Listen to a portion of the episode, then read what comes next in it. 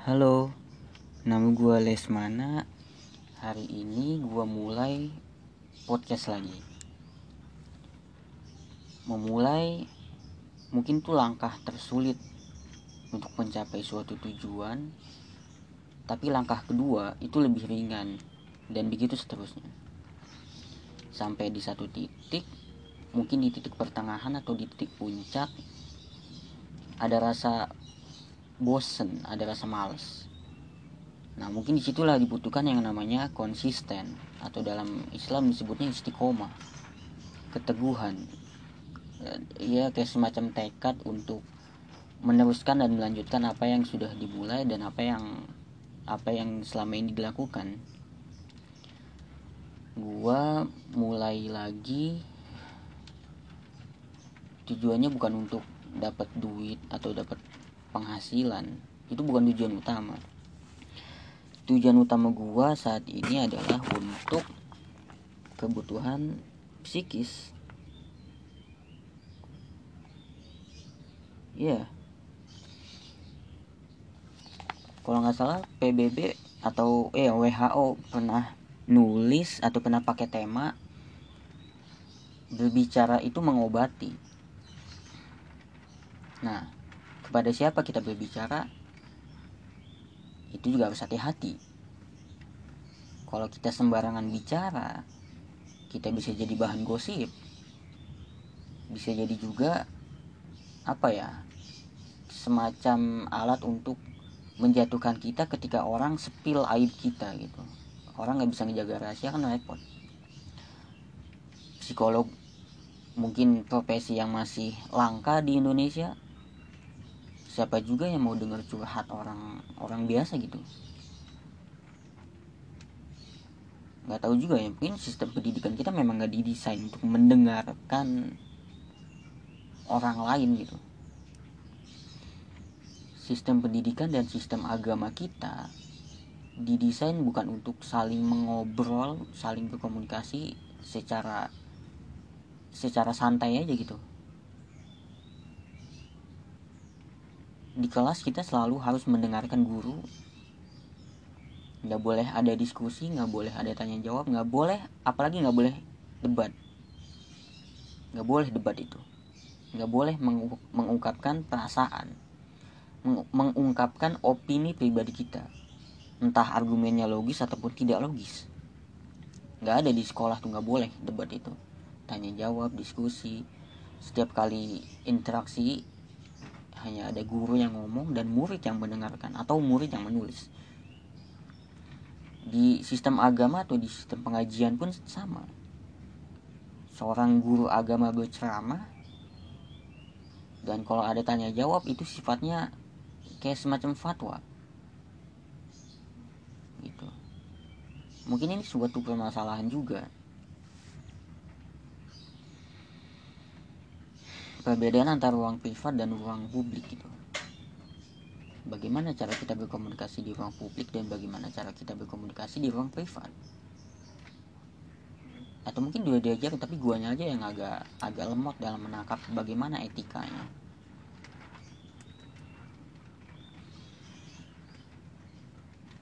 Uh, podcast ini juga mungkin berfungsi sebagai semacam diary sebagai macam eh, semacam catatan sejarah autobiografi. Dulu kita nulis buku harian atau kadang disebut sebagai diary catatan harian.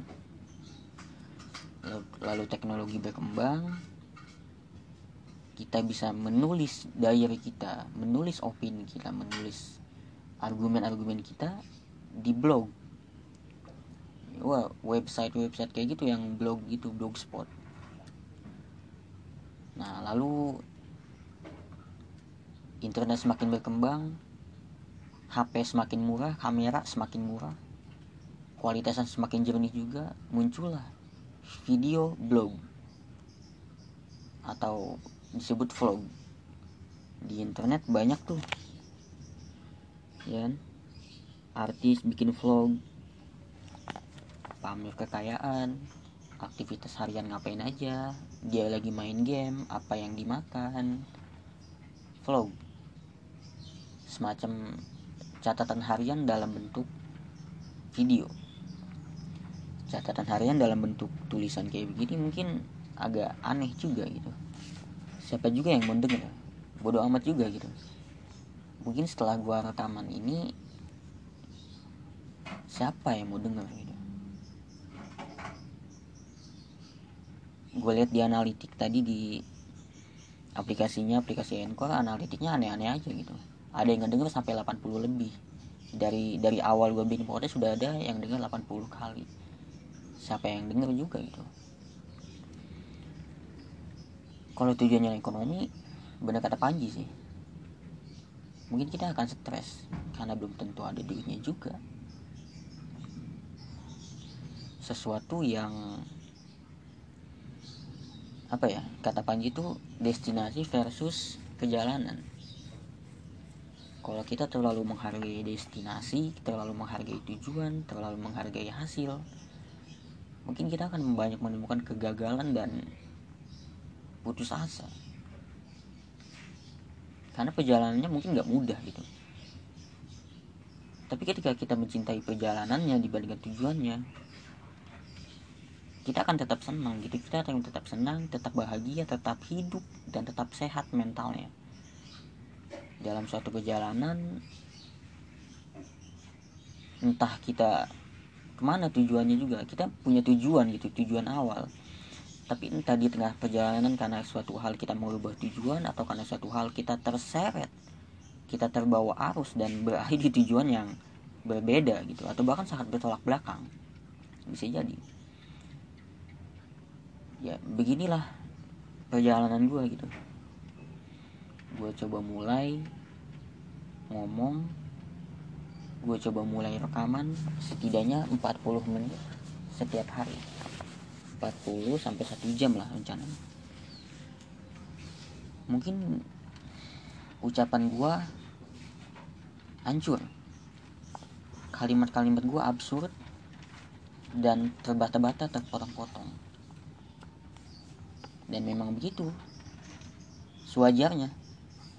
Karena apa yang gue lakukan saat ini mungkin bukan episode kelima atau episode kesekian tapi gue anggap aja ini episode pertama lagi. Gue mau mulai lagi dari awal mau mulai kebiasaannya mau mulai apa ya ya mau mulai segalanya aja. Gitu. Mungkin gue juga akan bingung ya kalau gue nggak punya poin-poin penting yang mau gue sampaikan entahlah. Gitu. Bisa aja gue mengakhiri rekaman di sini di menit ke 8 apa ya topik pembicaraan gue ya nanti ya? Gitulah. Ya mungkin gue akan coba mulai dengan yang namanya permasalahan mental gitu setidaknya gue mulai sadar bahwa salah gue gue melakukan kesalahan yang selama ini gak gue sadari. Yaitu mengesampingkan emosi. Gitu. Kalau ada istilah alexitimia mungkin gue mirip tuh kayak gitu. Mungkin gue mirip kayak gitu timia A dari kata tidak bahasa Yunani apa, Roma, apa Romawi gitu. A berarti tidak leksi berasal dari leksikon atau kosakata. Dan timia berasal dari timos yaitu emosi. Timia ketidakmampuan mengum, mengum, menyatakan mengungkapkan kosakata mengungkapkan melalui kosakata mengenai perasaannya sendiri atau ketidakmampuan membaca emosinya sendiri gitu. tiba-tiba kita nangis nggak tahu sebabnya apa. Kita ketawa tapi nggak tahu sebabnya apa. Kita takut tapi nggak tahu sebabnya apa. Bisa merasakan emosi tapi tidak bisa mengup, apa, mengungkapkan melalui kata-kata. Tidak bisa mengekspresikannya. Sedangkan mungkin gue sebaliknya gitu. Bisa aja gue meng, meng, apa mengekspresikan perasaan-perasaan manusia tapi gue menutup diri dari emosi manusia menutup diri dari perasaan. Baik perasaan pribadi maupun perasaan orang lain. Buta terhadap emosi. Ya dan ternyata itu bahaya. Bahaya kalau gue mau hidup sebagai manusia gitu zaman semakin modern sekolah semakin murah baca tulis hitung semakin menjadi kewajiban bagi manusia tapi menggunakan logika bukanlah kewajiban bagi manusia. Ternyata salah gitu. Ternyata definisi yang diajukan definisi yang mau dirumuskan sama Aristoteles bahwa manusia adalah hewan yang berpikir salah gitu atau mungkin nggak salah-salah banget gitu. Itu kurang tepat. Kalau manusia adalah hewan yang berpikir maka yang layak disebut sebagai manusia saat ini kurang dari satu persen atau mungkin hanya ada 10 persen. Nggak tahu. Emangnya seberapa banyak sih manusia yang bisa menggunakan logika ya untuk menentukan baik dan buruk untuk menentukan benar dan salah untuk memilih pilihan terbaik dalam hal ekonomi enggak enggak manusia lebih sering menggunakan feeling, menggunakan emosi dalam berinteraksi. Kenapa kita lebih suka kopi atau teh yang dicampur gula? Karena rasanya manis, manis itu menyenangkan. Apakah baik untuk kesehatan? Kemungkinan besar tidak baik kita tidak membutuhkan asupan gula, membutuhkan karbohidrat dari gula. Kita tidak butuh itu. Tapi kenapa kita menambahkannya dalam kopi dan teh? Karena menyenangkan. Pertimbangannya pertimbangan emosi. Begitu juga dengan dalam hal etika, dalam hal sopan santun. Gak jelas kenapa kita harus tunduk terhadap peraturan yang ribet, peraturan yang secara ekonomi itu buang-buang waktu. Ya, tapi begitulah peraturan sosial gitu.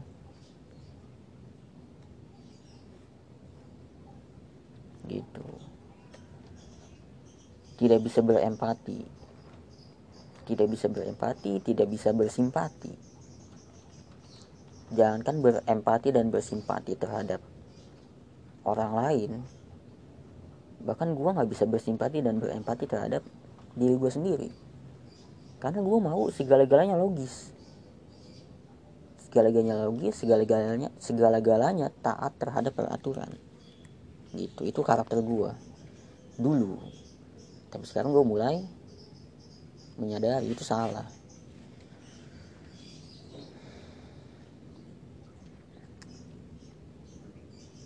apalagi ya yang gue bahas?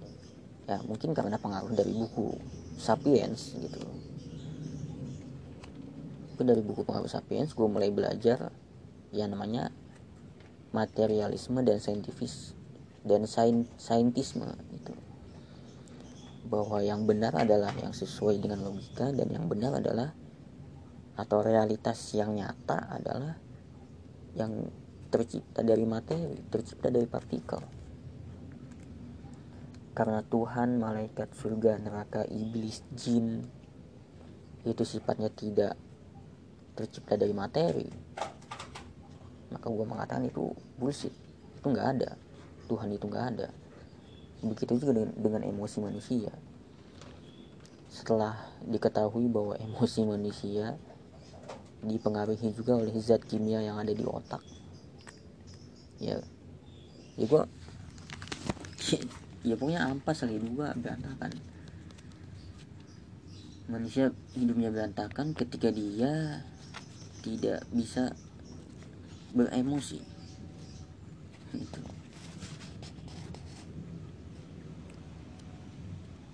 Meritokrasi murni itu mungkin sulit. Manusia mungkin bisa menjadi paling cerdas paling hebat paling cepat paling berprestasi tapi apalah artinya prestasi ketika kita dibenci oleh masyarakat. Ketika tidak ada yang mau mempekerjakan kita gitu.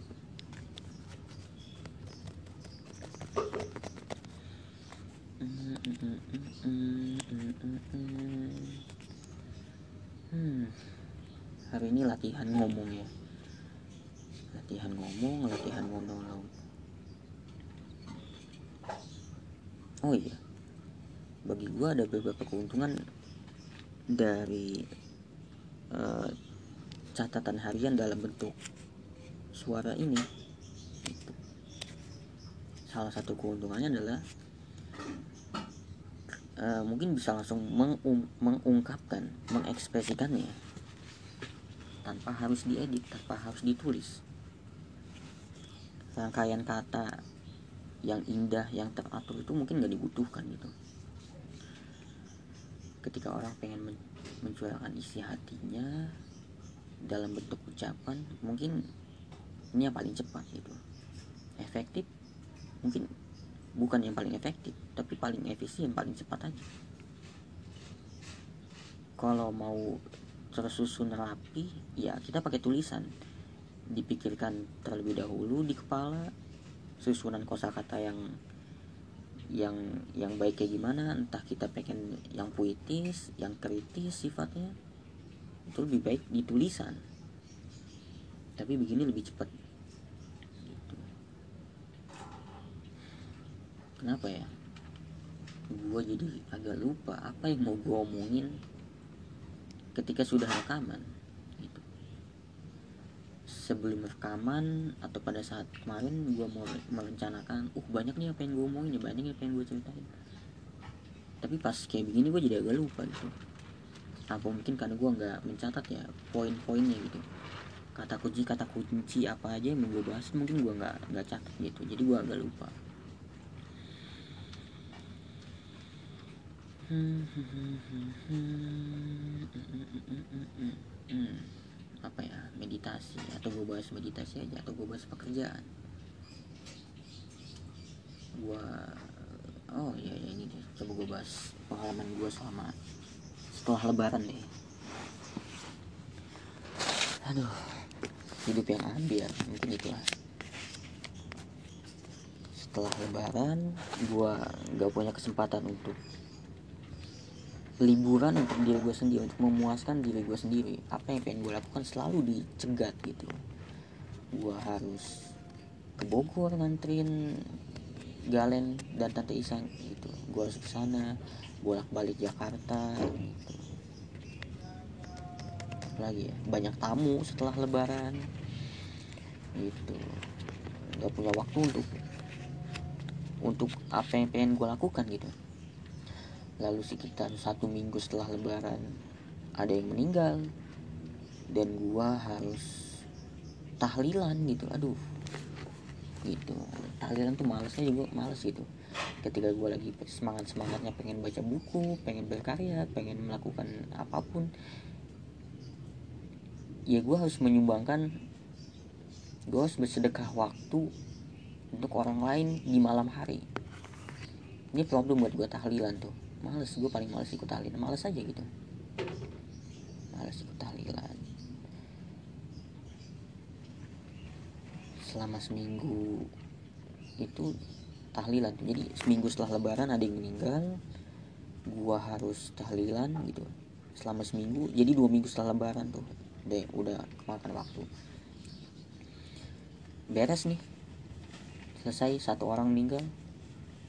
Besoknya cuma jeda satu hari. Ada lagi yang meninggal. Nah tahlilan lagi. Waktu di malam hari waktu yang paling enak untuk berkarya untuk baca buku. Sepi hening. Ya kan suasana gelap tapi di karena ada lampu jadi kita bisa baca buku. Itu enak banget tuh malam hari. Tapi ada tahlilan ya udah. Dua minggu kepotong atau udah tiga minggu kepotong. Selesai selesai nih dua orang tahlilan selesai dua minggu. Minggu ketiga ada lagi yang meninggal. Jadi dalam satu bulan setelah lebaran mungkin ampas nggak banyak ya karya lalu satu bulan setelahnya gue mulai kerja. Gue mulai kerja apa ya borongan lah gitu ya. Serabutan mungkin istilahnya apa pun itu lah. Gue ngerjain kabel. Kabel untuk program Yako lumayan. Awalnya menyenangkan. Gitu. Awalnya menyenangkan. Apa ya antara menyenangkan dan menyenangkan. Pokoknya awalnya tuh gue cuma bisa ngerjain sekitar 200 kabel atau 250 kabel per hari. Gitu. Nah terus perlahan gue mulai bisa sehari sampai 500 kabel per hari. Gaji lumayan uangnya lumayan lumayan gede lah untuk buat jajan untuk beli buku atau untuk beli keperluan lain gitu. Untuk ditabung juga lumayan. Tapi uh, ada satu hal yang nggak banget gitu. Manajemen berantakan administrasi berantakan sistem gajian berantakan dan ketika ada kesalahan semuanya dilimpahkan ke gua. Padahal yang kerja bukan cuma gua. Gitu. Gitu loh kerja apa ya kerja borongan gitu nggak enaknya. Kerja borongan untuk untuk bisnis keluarga yang kayaknya nggak berkembang dari dulu gitu. Nggak banyak berkembang. Gitu lah. Ya udah gue akhirnya malas lah berhenti lah gue berhenti dari kerjaan itu karena gajinya nggak nggak gede-gede amat dan tidak menyenangkan. Bagi gue prinsipnya ada dua penyebab orang mau bertahan di, su di suatu pekerjaan. Satu karena uangnya gede. Yang kedua karena menyenangkan. Apalagi kalau ada dua-dua ada dua-duanya uangnya gede dan menyenangkan orang tuh akan tetap melakukan hal-hal itu. Uangnya gede tapi tidak menyenangkan. Yang mungkin itu pekerjaan kantoran pekerjaan PNS pekerjaan yang tidak dia sukai atau pekerjaan yang dia benci lah gitu.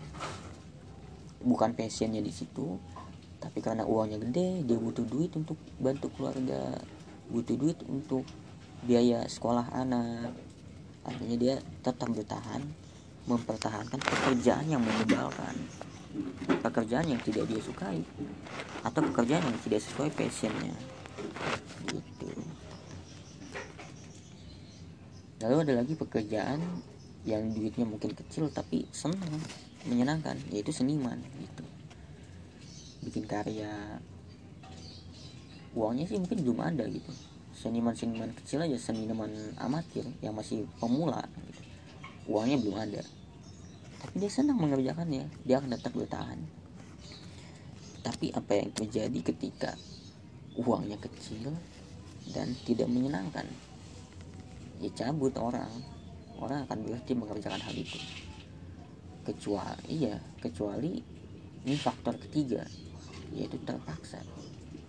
Demi bertahan hidup demi bisa makan harian dia akan melakukan apa pun untuk itu entah itu mengemis entah itu jadi pemulung entah itu jadi pengamen entah itu jadi pedagang kecil apa pun itu akan dilakukan ketika orang sudah tidak punya pilihan.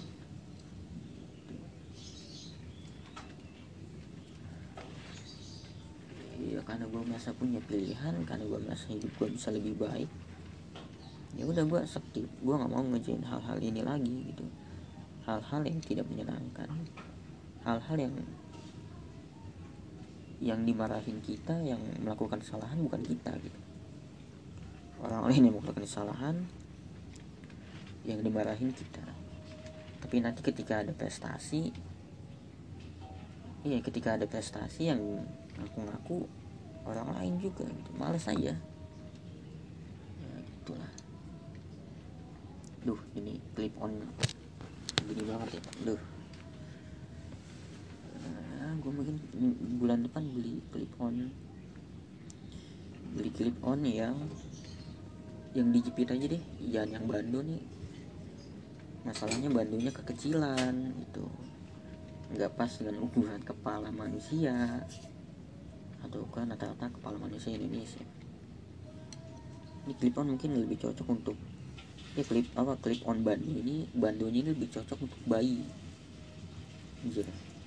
aduh oh ya ini juga alatnya yang gue beli dari uang THR baru gue pakai sekarang. Gue punya peralatan untuk mendukung podcast gue tapi gue belum melakukannya sekarang.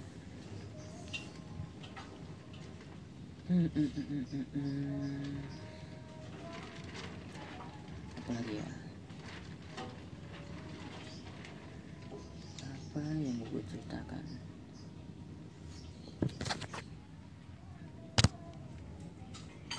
hmm, apa mungkin karena gue belum siap ya secara mental untuk menceritakan diri gue ke orang lain? Kayaknya sih begitu. Masih ada mental block gitu kayak, kayak semacam penghalang untuk gue bercerita secara apa ya secara lepas gitu bukan cuma karena gue nggak punya poin-poin bukan cuma karena gue nggak punya tema untuk monolog ini tapi gue kayaknya belum siap gitu mengungkap, mengungkapkan jati diri gue secara luas di internet gitu. Gue ini karakternya kayak gimana apa yang gue suka apa yang gue minati. Mungkin gue belum siap minum teh dulu deh. Episode kali ini siapa yang akan nonton? Tapi agak menarik juga sih misalnya kalau quantity versus quality. Kalau gue rekaman setiap hari dan kualitasnya jelek ya udah biarin aja mungkin gue akan disebut podcaster quantity.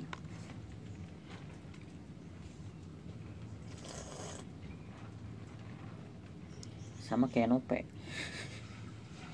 Nope Novian gitu stand up comedian.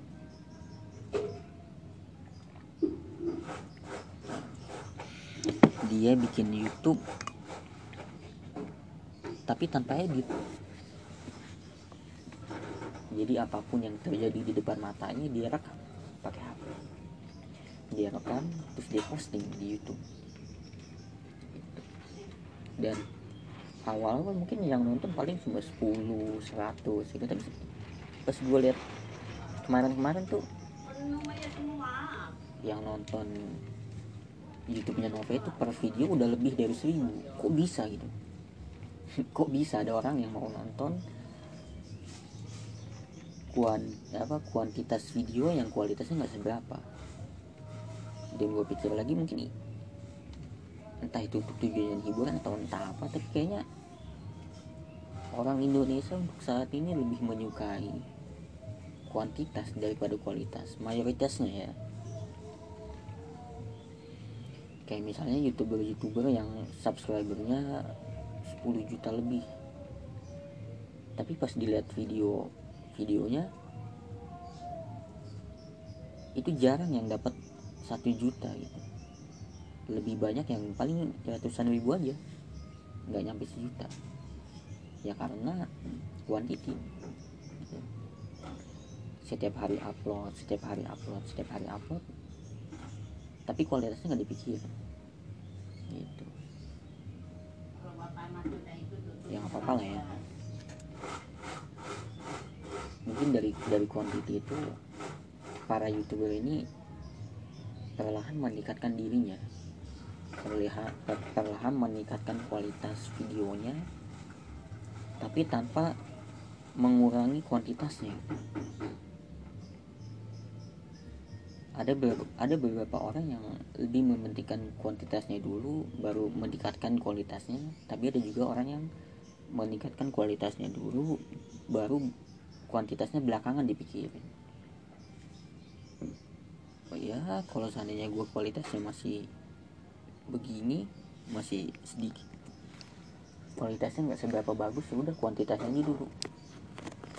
Kuantitasnya ditekuni kuantitasnya konsisten selalu ada selalu muncul tapi perlahan meningkatkan kualitasnya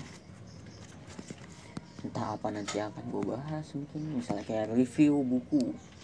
Buku apa aja yang udah gue baca hari ini. Gitu misalnya. Nggak usah nggak usah harus tamat. Tapi setidaknya setelah satu halaman kita mulai menangkap nih.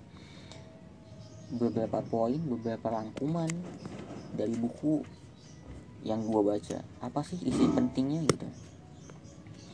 Apa sih gagasan-gagasan utama yang udah gue baca sampai di halaman sekian? gitu hmm.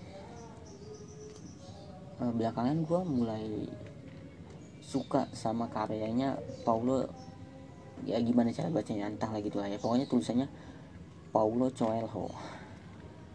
Atau dibaca Paulo Coelho. Ya gitulah. Gue mulai suka Paulo Coelho setelah gue membaca buku yang judulnya sejarah rahasia yang disembunyikan. Jonathan Black itu. Penulisnya Jonathan Black. Ya awalnya sih gue baca buku Jonathan Black itu sebagai dongeng pengantar tidur aja. Gitu. karena bukunya absurd.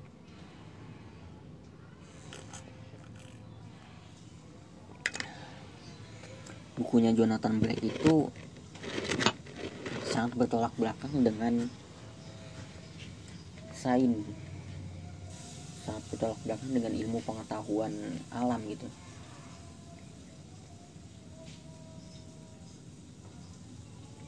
Iya mungkin ibarat kata Jonathan Black itu karya bukunya itu ya itu kayak Plato yang coraknya idealisme yang coraknya imajinatif. Sedangkan buku yang sifatnya ilmiah yang sains saintis banget gitu itu Aristoteles tuh filsufnya Nah, gue mengikut aliran Aristoteles yang sebelumnya mengatakan bahwa manusia adalah hewan yang berpikir. Kalau manusia tidak bisa berpikir, manusia adalah hewan. Maka mayoritas manusia atau mayoritas Homo sapiens saat ini adalah hewan, bukan manusia. Gitu. Gue tertarik dengan buku Jonathan Black ini sebagai pengantar tidur aja. Sangat imajinatif gitu mengada-ngada. Seakan-akan ini kayak hayalan gitu.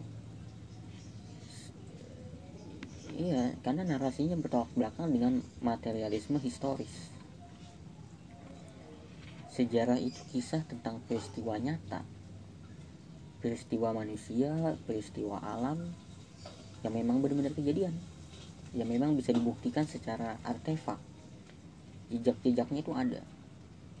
Tapi kok ada manusia menceritakan tentang kaitan antara dewa, kaitan antara Tuhan, kaitan antara roh yang sifatnya magis dengan sejarah kehidupan manusia gitu.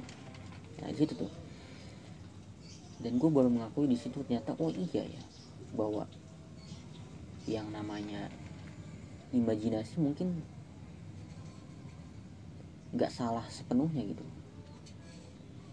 bahwa idealisme itu mungkin mungkin benar.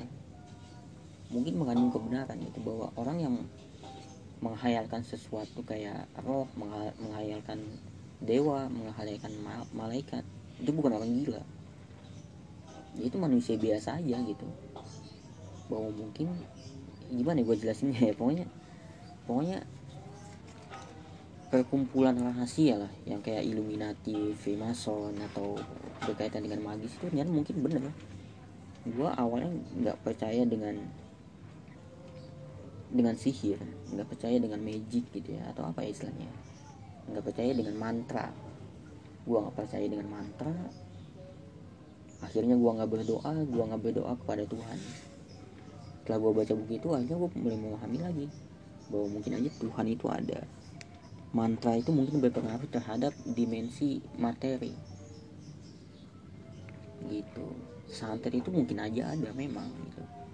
Tapi sangat jarang untuk dilakukan karena hanya dukun atau hanya apa ya hanya dukun dan penyihir yang benar-benar bersekutu dengan iblis yang bisa mencelakai manusia. Itu memang ada itu memang bisa tapi harus khusus gitu harus benar-benar benar-benar jahat. Nah terus ya setelah dan dari situ tuh ditulis bahwa novel-novel kayak misalnya Da Vinci Code itu bukan fiksi ilmiah atau bukan fiksi itu tuh kenyataan gitu. Da Vinci Code itu pengen menceritakan pengalaman pribadi atau pesan-pesan tertentu yang di yang dipahami sama si penulis. Misalnya Paulo Coelho karya pertama yang gue baca dari Paulo Coelho ini gimana cara gue nyebutnya ya? Coelho mungkin gitu ya. Paulo Coelho ini yang ditulis yang gue baca pertama kali adalah Alchemist gitu. Gue ngebaca Alchemist itu sampai berapa halaman gitu ya sampai ngebahas sampai tertulis Malkizedek. Wah kaget tuh. Kok bisa ada Malkizedek di novel di sebuah karya sastra gitu ya. Kok lihat ada tulisan Malkizedek dan di buku Jonathan Black itu sejarah rahasia yang disembunyikan juga ditulis tuh. Malkizedek itu nyata. Ya kalau nggak salah Malkizedek Malkizedek itu nama lain dari Nabi Nuh. Gitu. Ya eh orang yang selamat dari banjir bandang banjir air bah kaget tuh wah jangan-jangan ini. Jangan-jangan ini pengalaman pribadinya si penulis gitu karena gue merasa dia menyebut tokoh utama ini Santiago. Gitu ya, namanya Santiago. Tapi dia nggak pernah menyebut Santiago lagi. Sampai sampai akhir novel gitu. Santiago hanya disebut di bagian pertama bagian awal bab. Setelahnya dia menulis misalnya anak ini berpikir anak ini merasa gue nggak gue nggak merasa si penulis sedang menceritakan tokoh atau orang ketiga. Si penulis sedang menceritakan pengalaman pribadinya dengan meminjam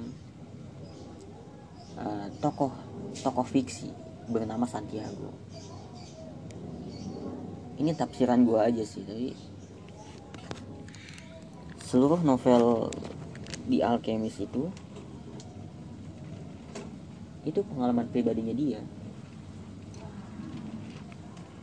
meskipun ada yang terputar balik dengan pengalaman nyatanya bahwa kalau di Alchemist kan dia disetujui untuk jadi apa pun. Mau jadi pengembala mau jadi penjelajah orang tua menyetujui. Sedangkan dalam kehidupan nyata si penulis dilarang untuk jadi penulis. Iya karena dia kan tinggal di Brazil negara yang bisa dibilang miskin lah negara berkembang orang tua Paulo Coelho dia pengen anaknya jadi karyawan biasa aja. Entah kerja di kantoran entah di ya, pokoknya kerja karyawan lah. Nggak boleh jadi penulis gitu. Dan seterusnya. Semua pengalaman iya semua pengalaman Paulo Coelho itu dituang dalam bentuk novel berjudul Alchemist. Gitu. Dan bisa di apa ya novel ini bisa ditafsirkan secara letterlek secara apa adanya. Bahwa ada seorang anak. Bahwa ada seorang anak dari dari daerah Spanyol ya berpetualang ke Mesir untuk mencari harta karun. Nah di tengah perjalanan dia kecopetan dia ya, ya jatuh miskin harus kerja lagi bertahun-tahun untuk kumpulin uang biaya perjalanan itu. Lalu di tengah jalan dia ketemu seorang alkemi ketemu seorang apa ya disebutnya seorang kalau zaman dulu gimana caranya alkemi ya seorang ahli kimia gitu tapi yang meng, tapi yang bekerja dengan mantra. Alkemi itu kan kerjaannya salah satu isunya ya yang paling sering dibahas adalah mengubah logam apa pun menjadi emas nah motivasi orang mengubah logam biasa menjadi emas macam-macam. Ada yang pengen jadi kaya ada yang pengen mempelajari alam semesta ada yang pengen mempelajari Tuhan. Ya jadi mempelajari Tuhan melalui alam semesta. Itulah alkemi. Itu yang baik tuh seharusnya begitu orang mempelajari alkemi. Tapi ada juga orang-orang licik yang pengen jadi kaya dengan mengubah logam apa pun jadi emas dan apa ya kayak semacam peristiwa-peristiwa mistis gitu peristiwa-peristiwa hayalan yang ada di novel alchemy itu. Sebenarnya bukan hayalan itulah yang terjadi gitu. Bahwa kita punya firasat kita punya kita bisa memprediksi suatu kejadian. Itu ada itu bisa dilakukan kalau hati kita udah suci kalau hati kita udah apa ya istilahnya udah bersih dari nafsu-nafsu jahat.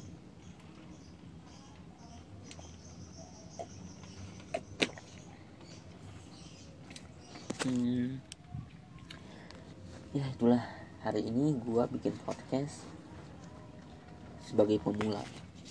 Sebagai orang biasa aja. Apa ya mungkin gue nggak merasa episode kali ini gue sebagai podcaster gitu ya. Kayak misalnya podcast yang gue suka Dono Pradana gitu ya. Mendoan podcast mendoan podcast ancur terus ya podcast podcast lainnya lah gitu. Gue belum merasa kayak begitu. Mungkin karena gue pakaiannya seenak udah mungkin posisi gue tidak mengikuti mereka gaya bicara gue atau poin-poin gue gitu. Ya punya episode kali ini berantakan lah satu hal gue nggak peduli siapa pendengar gue gue nggak peduli gue dapet duit atau enggak dari podcast ini. Gue cuma peduli emosi gue tersampaikan beban emosi negatif gue terkeluarkan tersalurkan. Jangan sampai emosi gue emosi negatif negatif yang negatif ya emosi negatif gue tersimpan dalam otak tersimpan dalam memori dan menjadi mood harian gitu. Gue mungkin podcast ini adalah samsak untuk gue tinju gitu. Uh, fungsi lain dari podcast adalah catatan sejarah. Mungkin gue meninggal besok tapi gue nggak punya catatan. Gue nggak punya bukti bahwa gue pernah hadir di bumi gitu. Dulu mencatat sejarah mencatat tulisan adalah hak istimewa bagi para raja bagi orang-orang besar bagi orang-orang yang menulis ya orang yang bisa menulis gitu. Meninggalkan catatan meninggalkan artefak meninggalkan bukti bahwa dirinya pernah hidup di bumi. Itu sebelum ditemukannya sistem tulisan ya itu orang-orang hebat aja yang, yang bisa. Tapi hari ini dengan ditemukannya pulpen dan kertas yang semakin murah ditemukannya internet orang bisa bikin vlog orang bisa bikin blog dan sekarang gue nggak tahu ini istilahnya apa. Orang bikin bikin catatan harian bikin rekaman harian dalam bentuk apa ya dalam bentuk rekaman suara tape recorder. Ya tapi kalau dipikir lagi uh, cara kita merekam suara kan berkembang ya dari dulu apa ya kalau nggak salah namanya perekam suara itu fonograf. Eh fonograf atau apalah yang bukan sama Alexander eh sorry oh Thomas Alva Edison. Bikin rekaman suara terus diputar. Kan dulu kan ada mesinnya tuh. Kita pakai kaset terus ada kayak semacam corong gitu kayak semacam musik box terus kita putar pakai tuas gitu. Set rekaman suara. Terus zaman semakin canggih uh, dibikinlah kaset. Kaset kayak tape tape recorder gitu ya. Terus zaman semakin canggih lagi wartawan kalau pengen bikin berita pasti bawa tape recorder yang semakin canggih kapasitas kapasitas penyimpanan datanya semakin besar suara semakin jernih. Dan mungkin hari ini wartawan gak butuh tape recorder. Wartawan cuma butuh memory card dan smartphone gitu. Iya. Ke mana-mana dia bawa ke mana-mana dia ngebawa apa ngebawa HP wawancara orang wawancara artis wawancara pejabat wawancara ya kejadian-kejadian aja apa pun yang bisa diberitakan. Ya gitu. Ya. Nggak tahu juga mungkin gue bisa jadi wartawan dengan melatih cara bicara gue gue bisa jadi pendongeng dengan melatih cara bicara gue eh kan berantakan tuh cara bicara gue gue harus kuat-kuat latihan ngomong kuat-kuat latihan menceritakan apa yang ada di depan mata gue menceritakan apa atau peristiwa apa cuaca bagaimana cuaca hari ini dan bagaimana perasaan gue apa pun itu gue harus lebih rajin ngomong. Ngomong dengan lidah gue bukan cuma ngomong dalam pikiran gue bukan cuma ngomong pakai uh, jari-jari gue gue harus rajin ngomong dengan lidah. Oke udah 45 menit. Untuk hari ini segini aja dulu sebuah episode yang sangat berantakan. Terima kasih